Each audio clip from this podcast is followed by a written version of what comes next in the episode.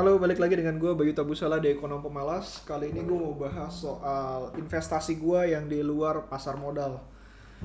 Uh, jadi beberapa tahun terakhir setelah gue aku melihat cukup banyak modal di pasar modal, uh, lebih banyaknya di pasar saham, uh, gue mulai melakukan nggak bukan diversifikasi sih, tapi gue berusaha untuk meningkatkan resiko sehingga gue bisa menghasilkan lebih banyak keuntungan dan gue berinvestasi kepada uh, beberapa bisnis, beberapa bisnis yang di mana bisnis tersebut dijalankan sama beberapa orang juga, ya, beberapa orang yang berbeda-beda.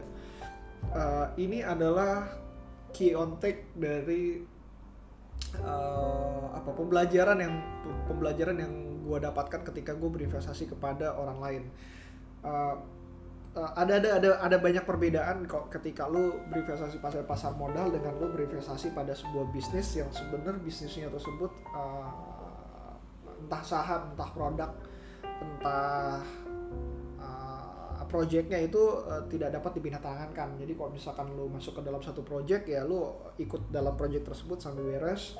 Kalau misalkan lo masuk ke dalam sebuah perusahaan ya lo uh, buat buat menjual sahamnya tersebut kayak uh, lo mesti effort lebih lah effort keras lah untuk melakukan pembelian ataupun penjualan pada uh, ininya lah uh, pada pada equity-nya lah. Dan itu yang terjadi pada bisnisnya bisnis tersebut. Uh, jadi gini sih uh, ini ini ini yang menarik sih ini yang menarik. Dan uh, ini yang terjadi dan uh, gue mau bicara tentang ini sih bicara tentang ini. Jadi uh,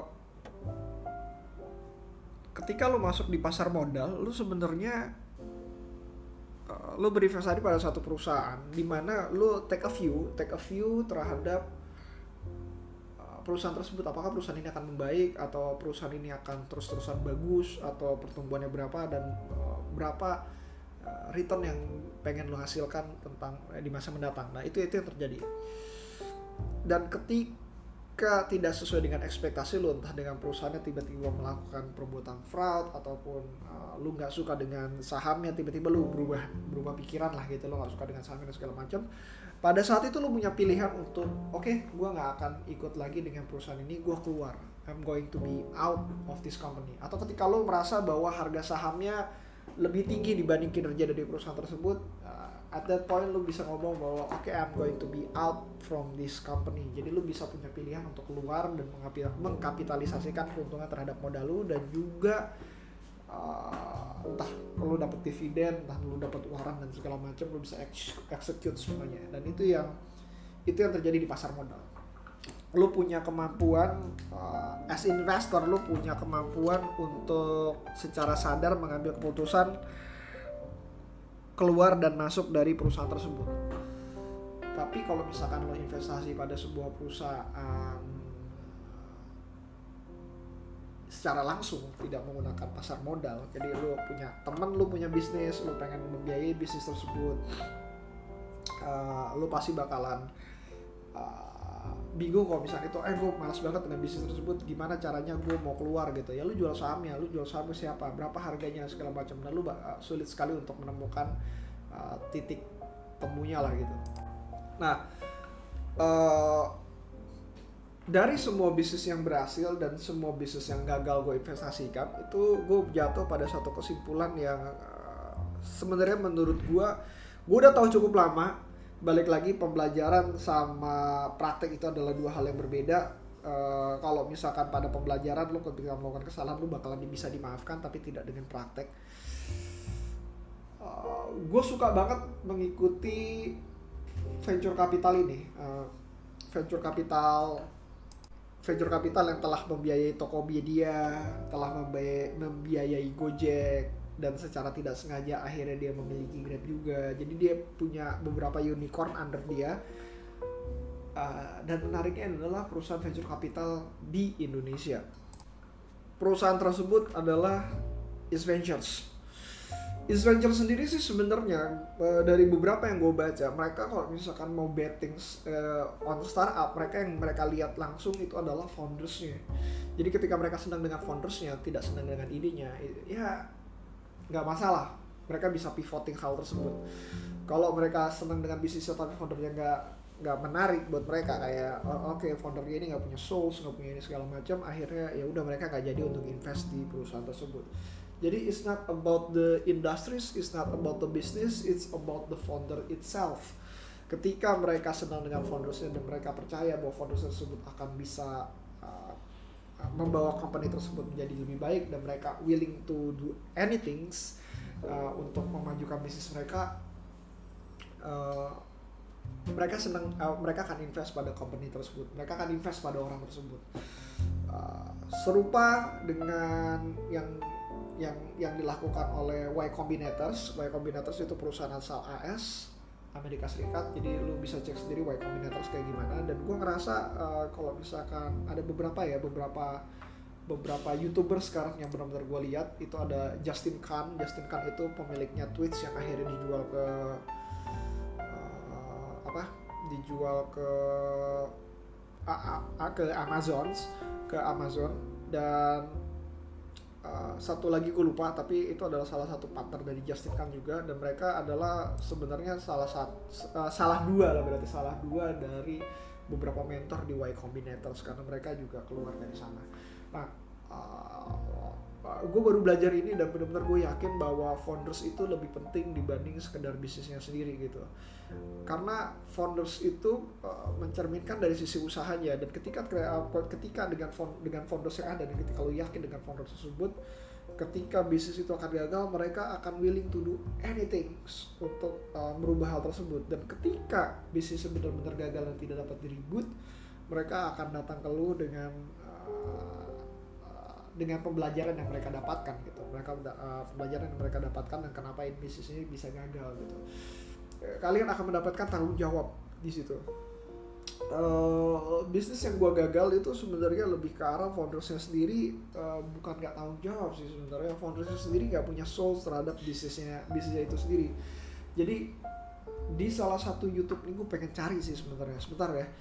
Oke okay, uh, dapat nih uh, Gary Tan itu uh, lu cek uh, YouTube-nya Gary Tan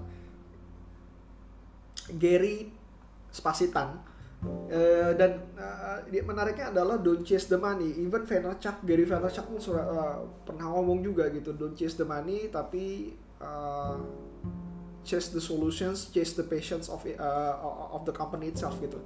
Jadi kalau misalkan gue ngeliat bahwa gue sebenarnya senang dengan bisnis yang secara di atas kertas ya emang bakalan menguntungkan gitu.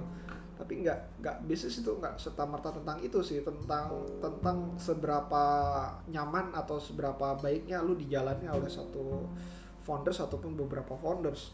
Dan itu yang terjadi pada uh, investasi gue yang gagal gitu. Investasi yang gue yang berhasil mereka nggak cuma sekedar menjalankan bisnis tapi mereka benar-benar uh, intact terhadap bisnisnya. Jadi mereka masih mereka masih uh, paham dengan bisnis tersebut walaupun dijalankan oleh orang lain walaupun segala macam mereka masih masih menjalankannya kalau misalnya terjadi apa-apa mereka masih bisa menjalankannya sendiri gitu.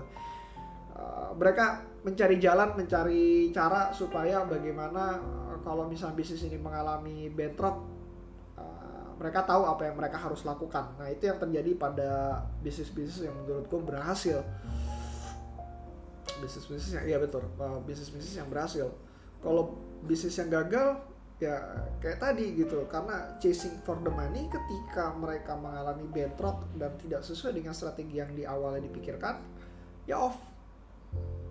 Mereka nggak punya souls di situ. Gue pernah bikin satu bisnis yang gue nggak tahu pernah ngobrol ini di uh, podcast atau enggak ya. Jadi gue kayak semacam financial technology dan gue bekerja sama dengan BFI Finance untuk melakukan refinancing terhadap motor dan mobil. Dan gue hampir tiap hari kayak dapetin sekitar 10 10 orang waktu itu ya 10 orang yang melakukan pendaftaran uh, terhadap BFI Finance dan uh, kesalahan gue waktu itu adalah gue ekspansi terlalu cepat untuk ke model bisnis yang lain. Padahal kalau misalkan uh, gue stick sama bisnis tersebut cukup lama gue rasa itu bakal jauh uh, cukup menguntungkan gitu. Cukup menguntungkan. Kalau misalnya gue bisa cari jalan kalau misalnya untuk memperbaiki sistem tersebut itu akan cukup menguntungkan. Tapi gue bentrok uh, gue terlalu banyak pikiran gue mau ngambil bisnis yang lain dan akhirnya gak jalan dua-duanya dan itulah yang terjadi gitu Uh, pada saat itu fintech sendiri masih masih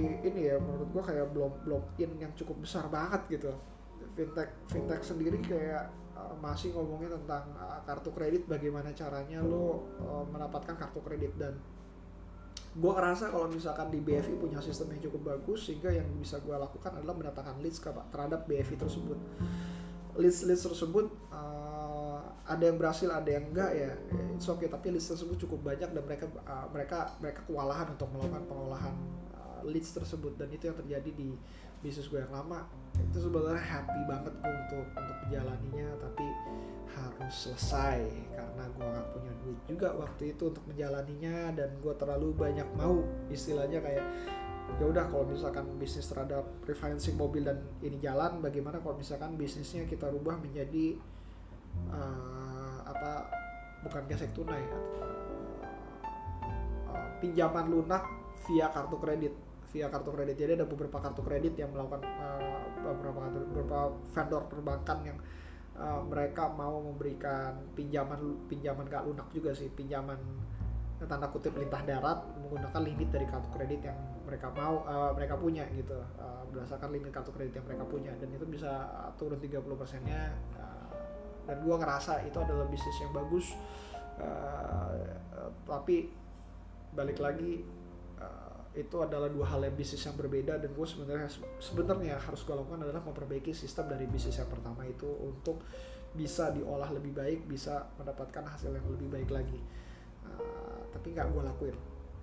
Uh, intinya waktu pas gue melakukan hal tersebut sebenarnya lebih dari sekedar iseng-iseng sekedar iseng-iseng dan gua uh, gua menikmati hal tersebut walaupun uangnya sendiri nggak nggak terlalu banyak. Dan shutdown karena uh, apa shutdown karena uh, emang emang nggak ada ini aja emang nggak ada emang nggak ada dari sisi keuangan juga uh, cukup bagus gitu untuk untuk gua. Gua butuh uang cepat.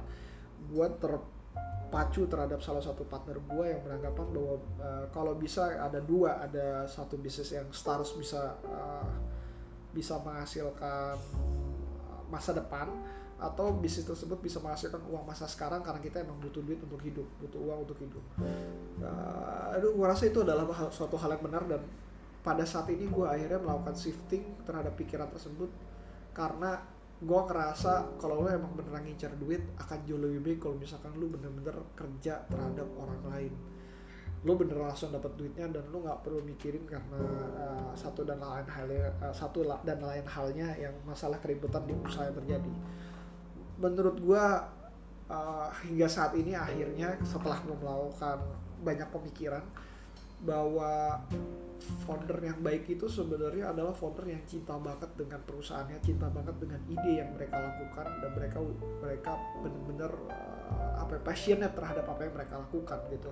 Bukan cuma sekedar uangnya dan mereka gua gua rasa sih dalam sisi bentuk uang. Makanya gue selalu ngomong bahwa us pengusaha itu adalah privilege yang hanya dimiliki oleh sebagian orang tertentu. Ada sih yang kepepet dan akhirnya jadi pengusaha tapi pengusaha yang benar-benar bisa expand lebih tinggi lagi itu sebenarnya adalah pengusaha yang sudah punya privilege bahwa hasil yang mereka dapatkan sebenarnya udah lebih dari cukup dan mereka pengen banget untuk mengekspansi perusahaannya mereka pengen banget untuk membentuk satu dan lain mereka pengen banget untuk uh, apa menyelesaikan masalah-masalah yang ada di uh, lingkungannya mereka itu sendiri jadi kalau misalkan lo ngincer duit akan jauh lebih baik uh, lo mendingan kerja deh kerja lo menghasilkan uang dan itu sebenarnya nggak kepikiran dari uh, bukan nggak kepikiran sih gue nggak punya privilege untuk uh, ngelamar kerja waktu itu.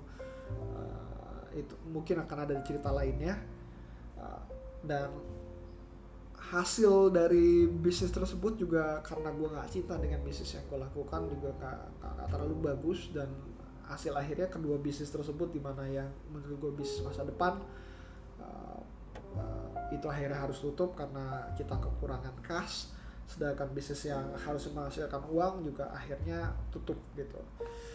Dan pengalaman gue akhirnya mengajarkan bahwa dari semua bisnis yang buka dan tutup dengan apa yang berhasil dan yang gagal gue ngerasa bahwa uh, gue di pasar modal karena gue cukup seneng dengan pasar modal gue seneng dengan uh, apa yang gue lakukan. Gue seneng dengan malam-malam gue untuk melakukan riset dan akhirnya gue datang ke Starbucks untuk melakukan uh, valuasi dan segala macam uh, akhirnya cukup berjalan cukup lama. Hari ini hampir uh, udah tahun ke 8 gue uh, mau jalan tahun ke 9 gue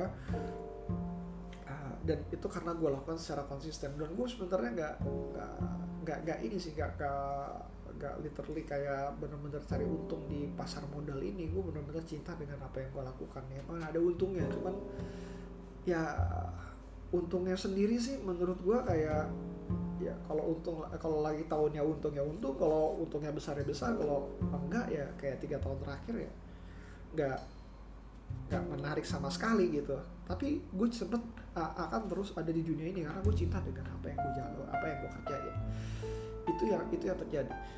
Dan ketika uh, salah satu dari partner gue kemarin uh, ngobrol dengan gue mereka uh, dia sepertinya salah paham terhadap uh, apa ya terhadap uh, apa yang gue lakuin gitu apa yang gue lakuin. Ketika gue ngomong bahwa uh, seandainya gue berinvestasi kepada satu usaha dan perusahaan itu gagal karena foundersnya hanya mindsetnya hanya sebenarnya lebih ke arah oke okay, ini bisa menghasilkan uang banyak uh, dan ketika gagal apakah gue bakalan berinvestasi lagi? Gue rasa enggak gitu. Gue rasa enggak. Dan itu uh, yang ada di pikiran gue pada saat itu dan gue ngobrol dengan partner gue tersebut. Dan ketika gue gagal misalkan di pasar gue di US di mana gue bikin podcast secara terpisah yaitu perjalanan mimpi gue uh, uh, uh, apakah gue bakalan masuk lagi nggak ke pasar US ketika kok misalkan investasi gue gagal? Kemungkinan besar iya. Kenapa? Karena gue punya menurut dia dia beranggapan bahwa oh karena kan lu dapat pembelajaran dari situ kan? Karena dari pembelajaran tersebut uh, akhirnya lu jadi lebih baik kan? Enggak sih sebenarnya bukan karena pembelajarannya gitu. Pembelajaran itu emang dapat dari mana pun. Dengan bisnis yang sebenarnya ngasilin duit hanya menghasilkan duit tanpa passion sebenarnya lu bisa dapat pelajaran problemnya adalah willingness to do dari pembelajaran tersebut. Apakah lu willing untuk uh, to do to do it again? Atau lu cum uh, apa apa lu bakalan stop di situ bahwa oke okay, gue gua nggak mau gue nggak mau ngelanjutin gitu. Dan gue cuma dapat pembelajaran kayak gini dan akhirnya dari pembelajaran tersebut hanya uh, lebih banyak ke arah lebih banyak ke arah ini sih lebih banyak ke arah apa pembenaran terhadap diri sendiri gitu pembenaran terhadap sendiri. Iya itu susah tapi kan ada solusinya. Kalau misalkan di pasar US ya udah gitu uh, dengan segala yang ada gue tahu pembelajarannya gue gue tahu bahkan mau gue mau belajar apa dan bagaimana dan akhirnya semuanya gue cobain. Segala bentuk macam strategi gue cobain mengenai beli opsi jangka pendek beli opsi jangka panjang uh, beli opsi yang strike pointnya lebih dekat terhadap price sekarang beli yang lebih jauh dan itu gue lakuin semuanya dan gue mencari jalan supaya menemukan uh, style uh, apa ya style investasi yang benar-benar cocok sama gue dan itu yang itu yang terjadi terhadap diri gue sekarang.